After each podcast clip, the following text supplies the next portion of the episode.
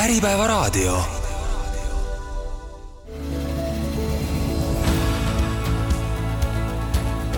juhtimisaudit. tere taas, kuulate saadet Juhtimisaudit. tänases saates teeme sissevaate organisatsiooni arengumudeliga seotud teemadesse.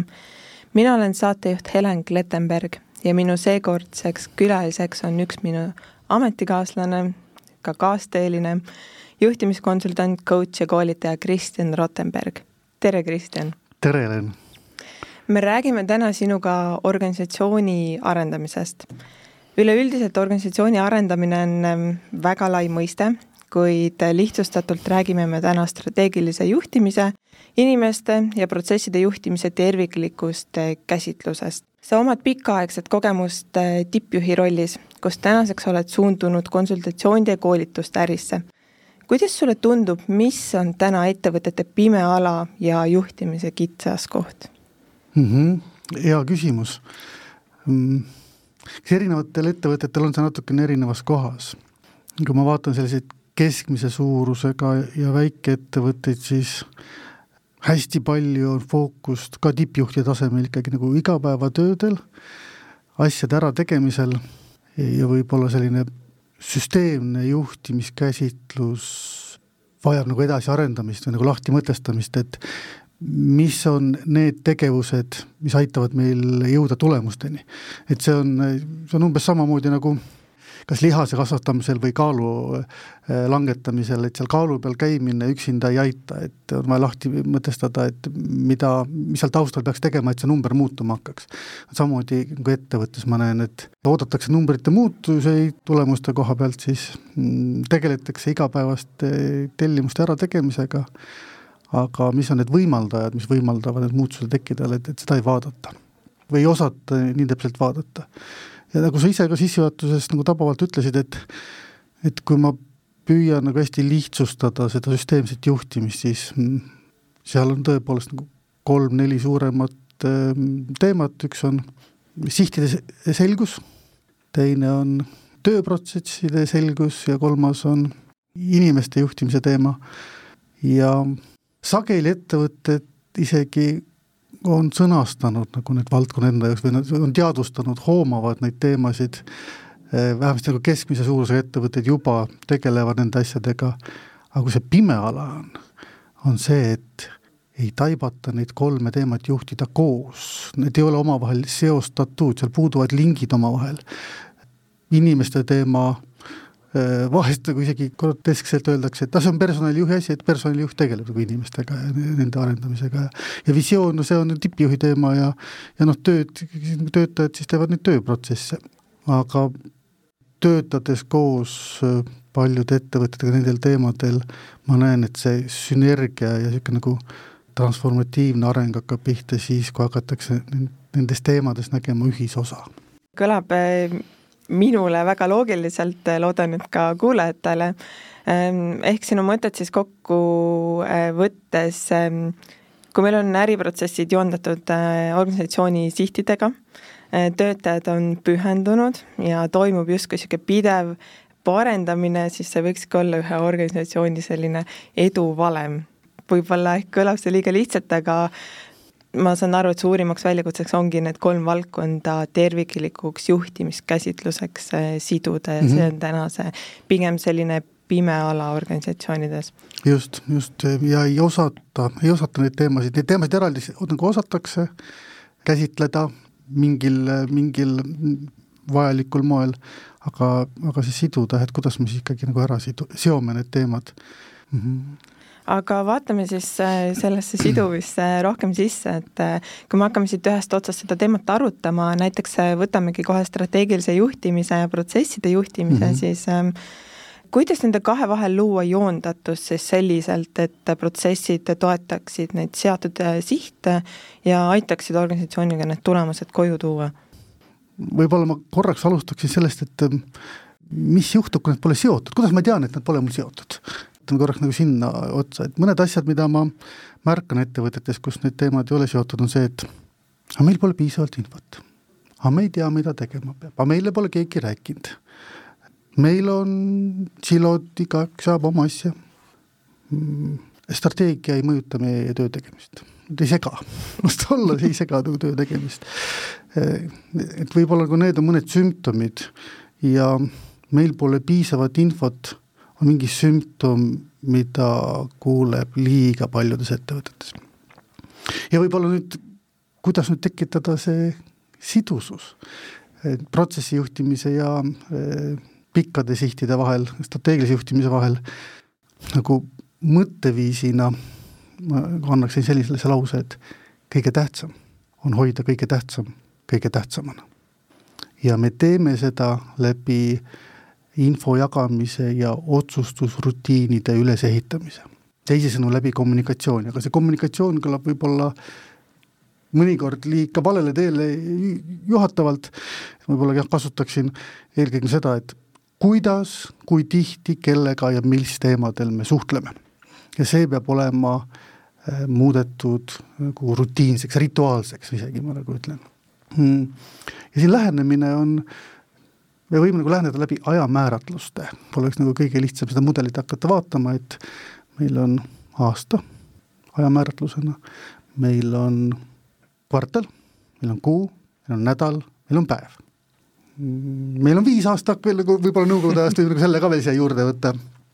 Mm, kord aastas me sõnastame oma selle aasta eesmärgid. Ehm, võib-olla vaatame üle ka kolme-viie aasta eesmärgid. et aasta eesmärgid me tõlgime kvartali eesmärgiks, et kui palju me suudaksime ära teha järgmise üheksakümne päevaga. Neid kvartali eesmärke hakkame me ellu viima igapäevaselt, iganädalaselt ehk siis kord päevas me võiks üle vaadata, kuidas meil eile läks, mis, kuidas meil täna peab minema, kord nädalas me võiks üle vaadata, kuidas meil eelmine nädal läks, kuidas see nädal peaks minema, kord kuus võiksime üle vaadata, kuidas meil see kuu läks, kuidas järgmine kuu peaks minema. ja läbi kõigi nende äh, vestluskohtade, iga päev, iga nädal, iga kuu, iga kvartal, iga aasta, võib-olla need küsimused on äh, kõige lihtsamas vaates äh, ongi kolm põhiküsimust, aga see ulatus, mis ajaraami vaatame, on igal vestlusel erinev, et kord päevas eh, iga inimene minu meeskonnas rääkis mulle, et eh, millest ta eile õnnestus ja mis ta tahab täna ära teha ja millist abi tal on vaja. Kord nädalas me meeskonnaga räägime, mis oli meie eelmise nädala suuremad töövõidud, milles me tahame see nädal õnnestuda, mida ära teha, kellel millist abi on, kuidas me üksteist aitame kord kuus samamoodi, lihtsalt vaade on suurem, kord kvartalis samamoodi. Eh, kord nädalas vesteldes meil ajahorisont on nädala eesmärgid, kord nädalas vesteldes meil ajahorisont on kuu kvartali eesmärgid. kord kvartalis vesteldes meil ajahorisont on aasta eesmärgid, ehk siis mida me peame järgmine kvartal tegema selleks, et tuleksid aasta eesmärgid täis. ja võib-olla kord aastas vesteldes me arutame, mida me peame järgmine aasta tegema selleks, et tuleksid kolme aasta eesmärgid täis ja kuidas me liigume oma eh, pikkade kümme pluss aastat visioonide suunas. ja selline nõupidamiste rütm aitab hoida teemad kogu aeg värsked, et midagi ei lähe hapuks. Eh, olulised teemad jõuavad laua peale on üks huvitav kontrollküsimus juhile iga nõupidamise lõpuks, mis ma enda jaoks avastasin, on see, et kuidas me nüüd koos aru saime, mis on nüüd kõige tähtsam, üks asi. et kas selle nõupidamise lõpuks kõik suudavad ära sõnastada samamoodi, mis on nüüd kõige tähtsam. ja kui seda ei suudeta, siis oli see nõupidamine pehmelt öeldes keskpärane et siis tasub nagu mõelda järgmist nõupidamist, et kuidas me neid vestluseid teeme niimoodi, et me jõuame sinna kohta, kus me saame ühtemoodi aru, mis on nüüd kõige tähtsam saavutada. loomulikult tegemisi on alati rohkem, kui me jõuame ära teha, aga kõige tähtsam on hoida kõige tähtsam, kõige tähtsam on, et kas me see, kas me see siht oma käes, kas me liigume järjekindlalt, kas või tibusammudega järjekindlalt oma valitud suunas, kas me saame aru, mis nüüd on tähtis muidu on ainult tulekahjud ja, ja tulekahjudel on nagu kerge võtta see tähtsus enda peale.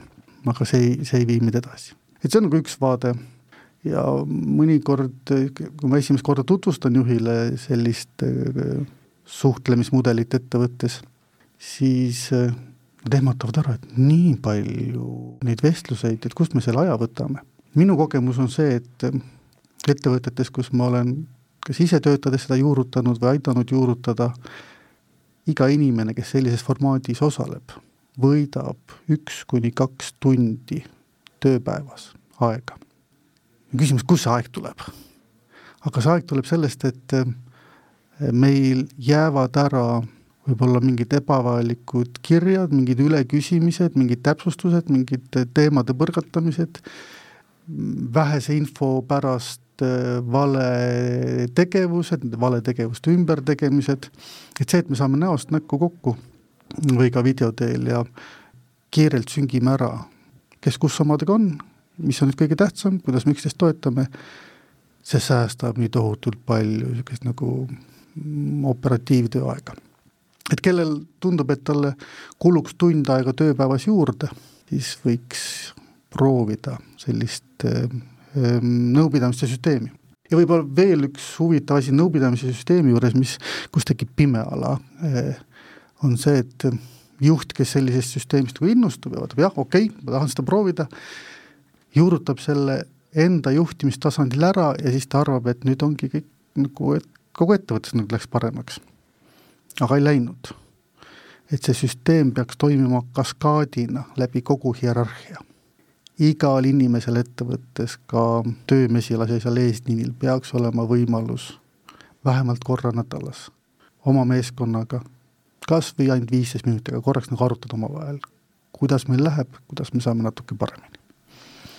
Ja need on väga head mõtted ja olen väga palju puutunud kokku sellega, et äh, töötajate tagasiside on see, et infot on vähe mm, -hmm. info ei liigu, infopuudus, aga samas äh, vastupidiselt äh, probleem, millega ma kokku puutunud, on see, et kui nüüd tuua töötajatele lauale selline koosolekute või nõupidamiste süsteem, siis ka sealt hakkab sellist nii-öelda vastupuiklemist tulema, et aga mul ei ole millestki rääkida nii palju, et mm -hmm. miks me räägime nii palju, et teeme tööd parem. kas ja. sa oled kokku puutunud sellega? jaa, meil ei ole, olen küll, see on nagu esimene asi ka sageli, mis tuleb, et aga meil pole millestki rääkida. ja mul on sellele alati nagu lihtne vastus, et kui ei ole mitte millestki rääkida, järelikult ettevõte on ülihästi toimib, ülihästi juhitud. ja selles situatsioonis juhi väga-väga oluline roll on kiita oma meeskonda taevani. tõsta nad üles, näidata neile seda edu, näidata, mis on seda edu toonud, teha nagu inimeste hingele pai. kui ma vaatan enda töösituatsioone tehase juhina, siis ma arvan, et mul oli selliseid olukordi kaks tükk, kaks päeva aastas, kus tõesti oli see, et kõik toimis ja oligi võimalus äh, lihtsalt nagu tähistada ja, ja rõõmus olla ja patsutada üksteisele õlale ja ja lasta silmad märjaks, et kõik see vaev on ennast ära tasunud jah, ja nõus ja selles suhtes, et seda sihiselgust toetab suuresti ka väga palju see, et me teeme ülevaateid, kuidas meil on päriselt läinud ja me kiidame, toetame oma töötajaid, et, et mm -hmm ka tihti ma ise oma töös ikkagi puutun sellega kokku, et me räägime ära, mis on sihid, mis on eesmärgid, kuidas me liikuma peame mm, -hmm. aga selliseid ülevaatusi, eh, meil on tõesti hästi läinud, töötaja õlale patsutamist seda tegelikult võiks rohkem olla. jaa, ja isegi siis, kui, kui ei ole kõik hästi, siis, siis see patsutamine on vajalik, sest sealt tuleb energia, et võib-olla ka selle kommunikatsiooni rütmi juures või see suhtlusrütmi ülesehitamisel üks sihuke komistuskoht või, või harjumus on see, et saadakse kokku ja siis esimene küsimus on noh, mis probleemid meil täna siis on.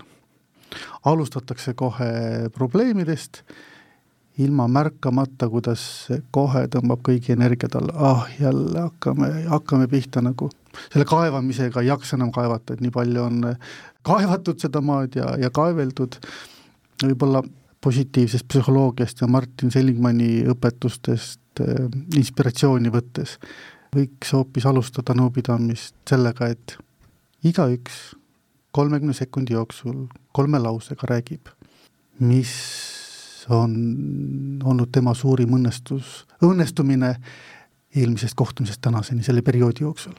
mis on tal läinud hästi, millega ta on hakkama saanud, tööalaselt, meeskonnad, kes on omavahel lähedasemad, võiks julgeda juurde tuua ka eraelus.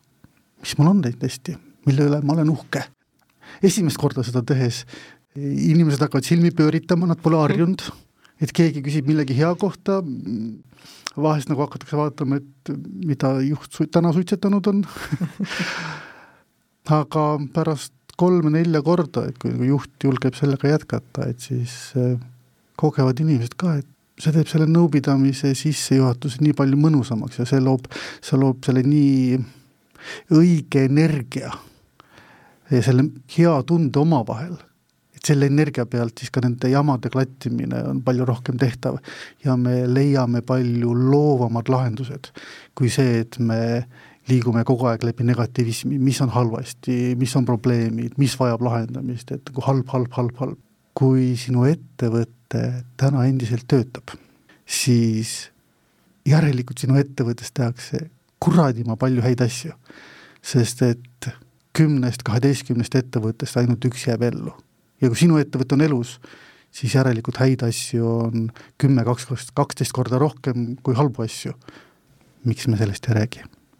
nagu üks minu mentor mulle targasti ütles, et see, millele sa keskendud, see hakkab kasvama. kui me keskendume ainult probleemidele, võib-olla siis ainuke asi, mida me näeme, ongi probleemid ja, ja ongi raske seda töörõõmu tunda, seda edasiliikumise tunnet tunda, siis ainukene asi, kust me lohutust otsime, on palgatõus. nõus, nõus, see, see on äh, hästi ähm, tuttav mõttekäik, äh, mida olen ise ka erinevates organisatsioonides äh, kohanud, et pigem proovida nendest probleemidest nii-öelda mitte alati nendega alustada, tõesti võtta sellist positiivset mõttelaadi kaasa, rääkida, mis läheb hästi ja see annab ka sellist nii-öelda motivatsiooni nende väljakutsetega siis mm -hmm. tegeleda mm. -hmm. kui ma proovin nüüd su mõtteid kokku võtta, siis ähm, et selliste äriprotsesside ja nii-öelda sihtide, strateegilise juhtimise vahel sellist joondatust tekitada, siis on äärmiselt oluline esiteks selline sihtide selgus mm, -hmm. selline süsteemne info liigutamine mm, -hmm ja see võiks tagada sellise alge selles suunas, et seda joondatust saaks seal tekitama hakata. just. kui me räägime nüüd äh, veidi lähemalt äriprotsessidest, äh, siis alati selles valdkonnas tekib küsimusi, kui palju peaks paindlikkust ja lõtku ettevõtte protsessides olema. kui palju sa selle teemaga kokku oled puutunud ja mis on sinu seisukoht mm? -hmm olen puutunud äh, omajagu, kui ma mingil ajal ise töötasin protsessiinsenerina ja tegelesin protsesside timmimisega ja liinmetoodikate juurutamisega ja siis protsessi dokumenteerimine oli ka üks osa sellest tööst.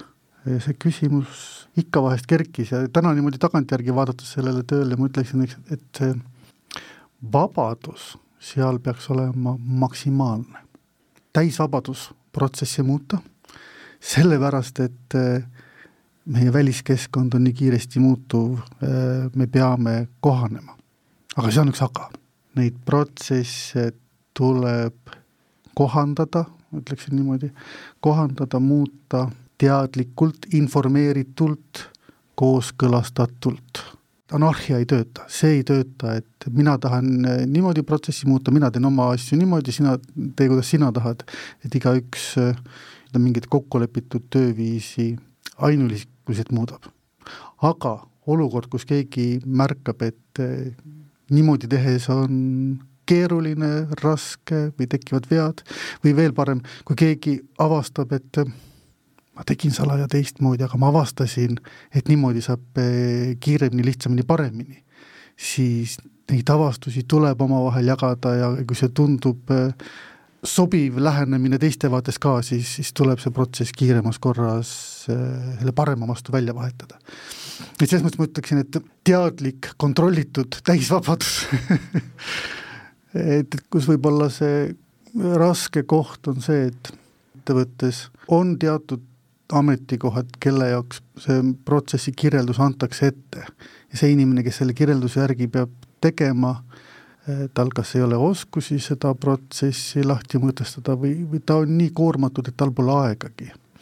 et võib-olla seal on, seal on nagu need keerulised kohad, et seal need, need inimesed, kes neid protsesse loovad, peavad olema nii palju kaastundlikud ja osavõtlikud, et nad käivad aeg-ajalt seal uurimas, et kuidas selle protsessi järgi nagu töö tegemine on, kas sa oled avastanud midagi, mis sind segab või on võib-olla ergonoomiliselt ebamugav või, et seal on vaja sellist ähm, koostöist hoiakut, mitte see, et minu poolt on see protseduur kirjeldatud, teie nüüd vaadake, kuidas selle järgi tehtud saate, et see ei tööta jätkusuutlikult.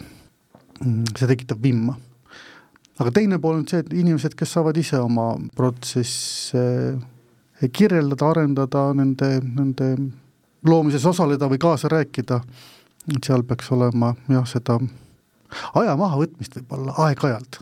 võib, mõnikord võib-olla ainult nagu viieks, kümneks minutiks, ma ei tea, korraks nagu mõelda, et kas see, mis ma praegu tegin, kas see on lihtne, sujuv, kas see tulemus tuli selline, nagu oodati, või ma märkan, et kuidagi saaks veel paremini ja need on head mõtted ja ma nõustun äh, ka sellega, et äh, selline organisatsiooni protsesside juhtimise süsteem ei saa olla liiga jäik mm, -hmm. sest teada-tuntud mõte, et halb protsess tegelikult murrab ka kõige parema töötaja.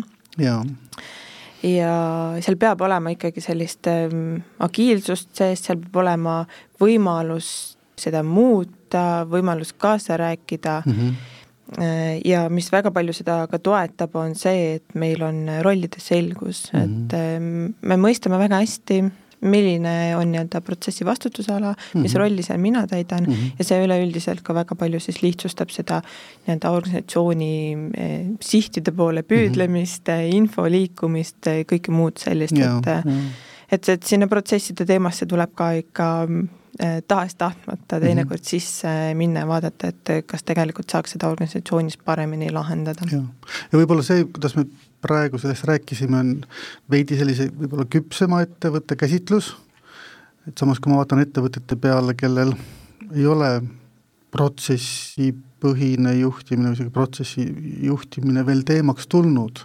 siis ähm, seal võib-olla on arengukohad hoopis natuke teises kohas, et seal on võib-olla see, et, on vaja alustada sellest, et märgata, mis on olulised asjad, mida ma teen korduvalt, siis vaadata, kas see on mul kuskil kirjeldatud. ja sageli ei ole. ja, ja selle tagajärg on see, et e, tulemused on ebastabiilsed, sest et me kipume siis natuke erinevalt tegema, erinevad inimesed teevad erinevalt, selle tagajärg on see, et kui inimesed liiguvad, vahetuvad, siis läheb e, see best practice läheb kaduma väikeettevõtte puhul võib olla see, et mingi hetk founder tahab välja astuda, tahab maha müüa ettevõtet. ja siis see ettevõte on väga-väga raskesti müüdav, kui tema best practice ei ole dokumenteeritud. siis tekib oma founder'il see nagu välja, väljaastumise raskus. jah, et siis nagu, et väikeettevõttel tuleks võib-olla nagu sellest, sellest pilgust hakata juba vaatama, et kuidas, kuidas founder'i vaates teha ettevõtte kergemini müüdavaks, kuidas eh, saada stabiilsemaks oma tulemused, kuidas tagada, et know-how ei kao, kui inimesed liiguvad. suures ettevõttes võib-olla see know-how püsib natuke paremini, väikestes ettevõtetes mõnikord on nii palju ühe inimese peas kinni, mitte midagi kirjas ei ole, jube suur äririsk. teine mõte, mis nagu sina, sinu ühest nagu lausest kinni haaran, mis mulle äh, nagu meelde tuli inimeste tulemuslikkusest, kui ma ei eksi, siis see oli Toyota, kes selle märkas, kes ta märkas ja sõnastas, et kui nad värbasid suurepäraseid inimesi ja panid töötama tehastesse või olukordadesse, kus protsessid olid nõrgalt välja arendatud, siis need suurepärased inimesed nõrkades protsessides tegid väga keskpäraseid tulemusi. ja teisipidi, kui nad värbasid keskpäraseid inimesi ja panid nad tööle keskkonda, kus protsessid olid väga küpsel tasemel, heal tasemel, siis keskpärased inimesed väga küpsetes, hästi välja töötatud protsessides tegid suurepäraseid tulemusi. siin võib olla mõne ettevõtte jaoks üks strateegia, kuidas ma leevendan seda oskuslikku tööjõupuudust, on see, et panen natuke rohkem tähelepanu protsessi juhtimisele, ma saan oma tööprotsessid konkreetsemaks, selgemaks, väljaöeldumaks ja see võimaldab mul saada hakkama lihtsama tööjõuga, odavama tööjõuga. et väike niisugune mõte see on väga hea mõte, Kristjan, et, et selle mõttega saame siin äh, oma jutuajamise esimese poole kokku võtta. me jõudsime rääkida nii-öelda kolmest mullist, üldistatult on seal siis sihid, strateegiline juhtimine, siis on äriprotsessi, protsessi juhtimine ja siis on meie enda inimesed, inimeste juhtimine. Rohkem sisse jõudsime minna strateegilise poole peale ja protsessi juhtimise poole peale aga peatudes korra veel strateegilise poole peal, siis ähm, tänane ärikeskkond ongi tegelikult väga dünaamiline mm -hmm. ja ehk nõuabki selliseid äh, agiilsemaid äh, juhtimiskäsitlusi. Kristjan, mis on sinu seisukoht, et äh, kuidas tagada, et strateegiline juhtimine oleks paindlik ja suudaks kohaneda nende kiiresti muutuvate oludega mm? -hmm. mida kiiremini olukorrad muutuvad, seda sagedamini tuleb oma suurtele sihtidele ja tegevusplaanidele pilk peale visata. mida stabiilsem on sinu ärimudel, mida stabiilsem on sinu ärikeskkond, seda harvem võid sa sellega tegeleda, et, et võib-olla see on nagu üks vaade sellele asjale, Eisenhower ütles selle kohta nii vahvasti, et mis iganes sõjaplaani ta tegi, siis lahingus pärast esimest pauku plaan enam ei kehtinud, siis alati see esimene pauk tuli selle koha pealt, mis plaanis kirjas ei olnud aga ta ütles, et olukordades, kus ta läks lahingusse ilma plaanita, olid tagajärjed tunduvalt kehvemad kui olukordades, kus ta läks lahingusse mingisuguse plaaniga. ehk siis siit äh, võib-olla nagu tagasi strateegilise juhtimise juurde, et äh, jälle aus Eisenhoweri sõnadega, et plaan ise ei pruugi omada palju väärtust, aga see planeerimise protsess on ülioluline. see, et me meeskonnaga arutame läbi milline on see tulevik, millises me tahaksime elada, kuidas selle suunas oleks võimalik liikuda ja mis on meie valikud kolme aasta vaates, ühe aasta vaates, ühe kvartali vaates, mis on need kolm kuni viis teemat, millel on kõige olulisem keskenduda, mis on meil, mis on need asjad, mis aitavad meid selle soovitud tulevikule lähemale. ehk siis see planeerimise protsess ise, see pidev omavaheline arusaamade sünk ja ühtepidi see sünk inimeste vahel, see sünkroniseerimine, et kas me saame endiselt ühtemoodi aru, teisipidi sünk ka väliskeskkonna vahel, kuna väliskeskkond kogu aeg muutub, siis jälle on ka otsa vaadata, et kuidas me nüüd sellele väliskeskkonna muutusele vastame. ja igast väliskeskkonna muutusest on võimalik välja võtta kas võit, kaotus või vähemasti nagu kohanemine. ja kui me vaatame täna maailmas kõige suuremaid ja kõige edukamaid ettevõtteid, siis hämmastaval kombel kõik nemad on loodud suurte muutuste aegadel, suurte kriiside aegadel, et alati keegi muutustest oskab välja lugeda selle trendi, selle uue suuna ja oskab selle keerata enda kasuks, samal ajal kui võib-olla väga paljud on hädas. ehk siis jah, lühidalt kokkuvõttes, et, et märgata saada aru, et, et ma organisatsioonina ei toimi isoleerituna sellest, mis toimub väljaspool, vaid saada aru, millised on need suuremad välised trendid, mis mind eh, võiksid mõjutada, kuidas me selle keerame enda heaks või vähemasti kohaneme, milline on meie tuleviku nägemus, ehk siis see ühine visioon, kas meil on üldse olemas jagatud visioon, et sageli mida ma näen, on see, et ettevõttes, et et noh, omanik tahab kasumit, et see on see visioon vähemasti kui me räägime jälle nagu sellisest nagu keskmistest ja väikestest ettevõtetest, et, et hästi niisugune nagu egokeskne on see eesmärgistamine, ei saada aru enda rollist ähm, ärimaastikul, et ettevõte kui rakk organismis, et mis rolli me täidame. et selle kohta üks vahva lause, mida ma hiljuti kuulsin, on see, et ettevõtlus ja äri tegemine ei ole mitte midagi muud kui suurepärane oskus lahendada teiste inimeste probleeme raha eest. Me, me ei lahenda siin mitte lihtsalt seda omaniku elatuse teemat, vaid tegelikult me lahendame midagi ärimaastikul või, või ühiskonnal midagi suuremat. Ja sellest arusaamine ja kuhu me tahaksime sellega jõuda, et selle nagu visiooni, missiooni loomine selles vaates. ja sealt jah, siis nende kolme kuni viie fookusteema sõnastamine, et siin väikestel keskmistel ettevõtetel, mis ma sageli näen, on see, et et kaks äärmust, kas on ainult ähm, fookusena sõnastatud mingi üks väga üldine number, mis, mis sageli on ka kasum, mille, mida mis on tegelikult tagajärg, mitte, mitte otseselt juhitav asi, või siis see, see fookuste nimekiri on tohutult pikk, niisugune lõputu to do list, meil on kakskümmend teemat, mis kõik on olulised, mis on vaja ära teha nüüd järgmise äh, aastaga. keegi ei suuda keskenduda nii paljudele asjadele korraga ja selle tagajärg on see, et et praegu on talv, kõik inimesed on kokku puutunud lume lükkamisega, et kui sa nagu suure sahaga lükkad nagu suurt lumehunnikut, no küll on vaevaline sedasi liikumine. aga kui sa võtaksid nagu väiksema labida või kühvli ja, ja, ja hästi nagu kontsentreeritud liigud teatud suunas, kui palju kiiremaks saab edasi liikumine. et siin on nagu sama asi, et tuleks välja valida need kolm kuni viis teemat, mis mõjutavad kõige-kõige rohkem ja võib-olla kus see võib-olla raskus on, et et miks valitakse siis viie asemel kakskümmend, ei saada aru, kuidas meie äri töötab. mis on see meie, millised on meie ärimudeli osad, kuidasmoodi üks valdkond teist mõjutab. juhid sageli isegi ei saa aru äh, kasumi aruande vaatest, bilansi vaatest, tippjuht kindlasti saab, aga miskipärast on jäänud kahe silma vahele see, et ka keskastme juhid peaksid kasumiaruande bilansivaadet abc tasemel nagu aru saama, sest et kõik nende otsused lõpuks jõuavad sinna numbritesse.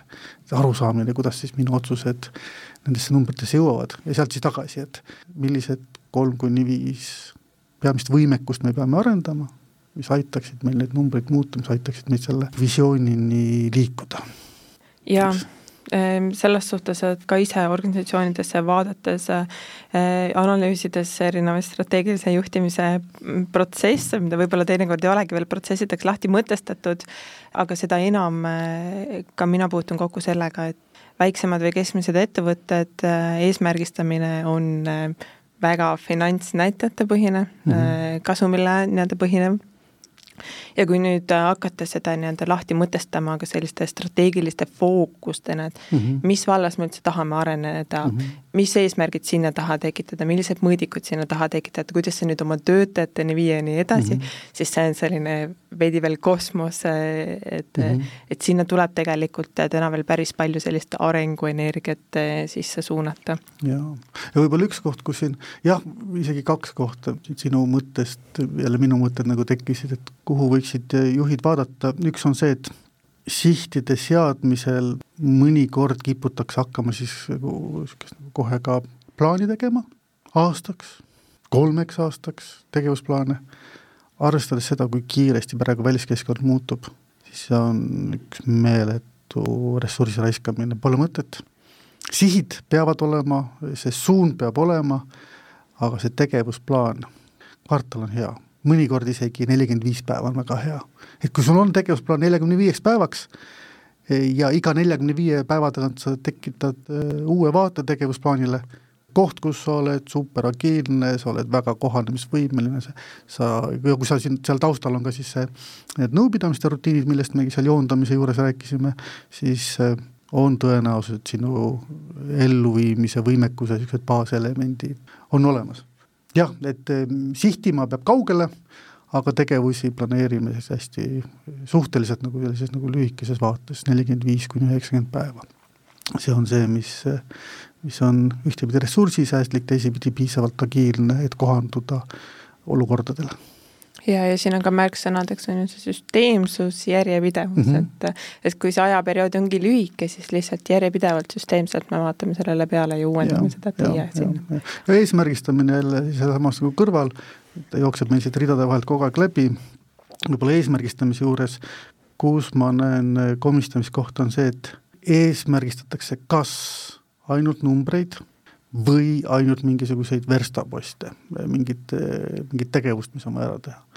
hea eesmärgistamine oleks see, kus on kirjeldatud numbriline vaade, ehk siis mis on, mis on numbrites need muutused, mis me tahame näha, ja sinna juurde on kirjeldatud, mis on need võimekused, mida me plaanime arendada või mida me peame arendama selleks, et see number muutuks. number ei muutu iseenesest, vaid, vaid eh, selle numbri muutuseks seal taustal peavad olema sõnastatud fookusvaldkonnad, need tegevused nende fookusvaldkondade muut-, muutmiseks, ehk siis peab olema nagu paralleelselt jooksevad nagu kaks liini, numbrid ja siis need tegevused või mis on need võimekused, mida me arendame. Ja siis me vaatame kogu aeg paralleelselt, kui need tegevused sai tehtud ja numbrid muutusid, järelikult on kõik väga hästi, kui tegevused sai tehtud, numbrid ei muutunud, järelikult me ei saanud päris täpselt aru, mis seda numbrit mõjutab, vaatame edasi, ja kui numbrid muutuvad, aga tegevusi pole tehtud, siis äh, numbrid muutumisid vaatamata sellele, et me midagi tegime või ei teinud, et siis jälle nagu tasub vaadata. aga et see sellise nagu kvartali eesmärgistamisel ja nende eesmärkide elluviimise ülevaatamisel, et jälgida seda kahte paralleelset joont, numbreid ja siis seda arenguid siis, et mis teemad peavad arenema selle taustal ja me oleme nüüd äh, päris palju juba rääkinud strateegilise poole pealt, äh, protsessi juhtimise poole pealt, ähm, vaatame nüüd ka sinna inimeste juhtimise poole mm -hmm. peale sisse, et äh, selge on see, et tänapäevasel juhtimiskäsitlusel on väga tugev fookus oma inimeste toetamisel ja arendamisel ja ka selle nii-öelda meie algselt mainitud arengumudelis on inimkeskne lähenemine noh, väga olulisel kohal kuidas toetada oma töötajate pühendumust mm, -hmm. et see aitaks meil siis organisatsioonis neid seatud sihte mm -hmm. ellu viia? jaa, no pühendumus on siis see võtmesõna, mis seob ära omavahel ettevõtte strateegilise juhtimise ja inimese juhtimise, et kui meil on vaja ehitada sillakene, siis see, see ühenduskoht on seal pühendumus. ja jälle võib-olla mõned sümptomid kuidas ma saan aru, et mul ettevõttes inimeste juhtimine, strateegiline juhtimine on lahus, et ei ole ära seotud, siis motivatsiooni pole, mis on keskpärane inimestel, mind ei kõneta need eesmärgid, mis siin ettevõttes on, inimesed teevad tööd, ükskõik mis tööd, justkui nagu tükitööd, tulen enam-vähem õigel ajal, lahkun natuke varem ja see on see, mida, mis on minu panus nagu sellesse asjasse. Ehm, tipud lahkuvad. oma, oma valdkonna head tegijad eh, kipuvad lahkuma. Need on võib-olla mõned sümptomid, kui see inimeste juhtimine ja, ja strateegia on omavahel seotud. kuidas seda siduda, võib-olla üks eh, märksõna siin on, et leia seos inimese isiklike ambitsioonide ja ettevõtte ambitsioonide vahel. mis on see ühisosa? proovi oma inimestega see ühisosa ära sõnastada, proovi see üles leida ja teine pool, aita aita inimesel nii oma rollis kui oma ambitsioonides õnnestuda. et kus siin eh, jälle niisugune komistuskoht on mingil hulgal ettevõtetest, on see, et inimene võetakse tööle, esimene päev temaga tegeletakse ja siis ta on omapäi, ta peab ise hakkama saama, ise aru saama, mida teha, kuidas seda tehakse. Ja, ja, ja noh, veel peenem eh, koht samal asjal on see, et ettevõtte sisene edutamine, kellelegi inimesele antakse karjäärivõimalus, uus koht, palju keerulisem koht, tal on võimalus ennast teostada, ta saab parema palga, kõik on nii elevil, juht on elevil, et oh, ma sain nagu selle probleemi lahendatud, ma leidsin inimese ettevõtte seest, inimene elevil, ta saab endale parema koha ja esimene päev on kõik nii vahva ja siis ta on jälle üksi ja ta ei tea, kuidas seda kohta teha, sest tal on ju esimene kord sellele veel kingad on nii suured. ehk siis seda väljaspoolt eh, tulevat inimest ja ettevõtte sees liikuvat inimest tuleb käsitleda samamoodi, mõlemal puhul peab olema see õnnestuda, aitamine, läbimõeldud tegevus. ja inimeste poole peal võib-olla niisugune üks tööriist, mis minu arust kõige paremini töötab, on üks-ühele vestlused. kolmkümmend minutit, ideaalis iga nädal, optimaalselt kord iga nädala tagant, aga mitte vähem. ja seal on jälle lihtsad küsimused kuidas sul on läinud, mida sa oled saavutanud, mis sa oled sellest õppinud, mis on järgmised asjad, mis sa plaanid teha, kas sa tead, kuidas seda teha, millist abi sa vajad.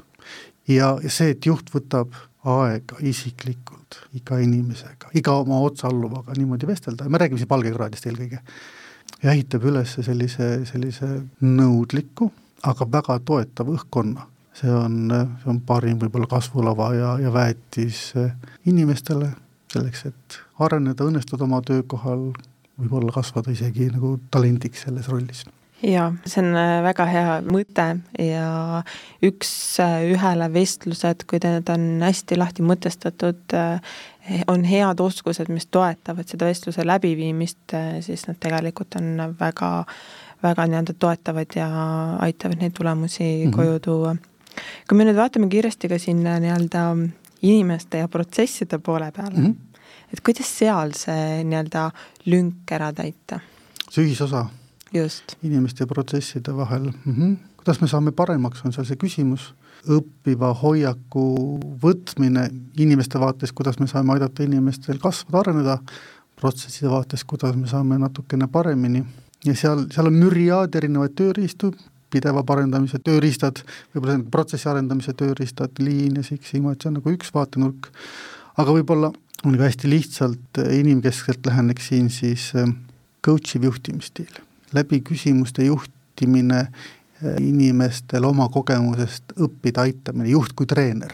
see on midagi, see on üks juhtimisstiil, mis on näidanud ülihäid tulemusi, ehitamaks üles sellist õppivat organisatsiooni, võib-olla see on see, mida ma mida ma julgustaks juhte rohkem kasutama ja, ja õppima, et meil on ka turul väga häid selliseid lühikoolitusi sellel teemal, päevaseid, kaheseid, et võtta üks coach'iva juhtimise päevane kahene koolitus, saab need algtööriistad kätte ja siis harjutada, harjutada, harjutada.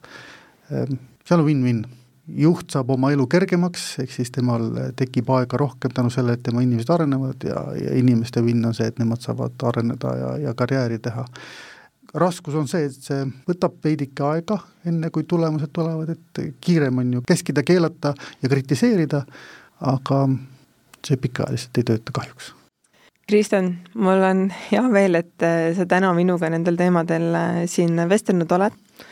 Ähm, kahjuks hakkame saatega lõppu jõudma ja enne, kui otsad täitsa kokku tõmbame, siis mis on see üks soovitus või üks juhtimistööriist, mida sa meie kuulajatele kaasa tahaksid anda mm? -hmm võib-olla kõige olulisem tööriist minu arust on need suhtlemisrituaalid, millest me täna rääkisime ja see on mingi tööriist, mida saab kasutada iseenda juhtimiseks, mina täna, olles sooloettevõtja, kui nagu oma ettevõttes üksinda, kasutan seda iseendaga ja samamoodi ma näen, et see töötab nii väikestes, keskmistes kui ka gigantettevõtetes.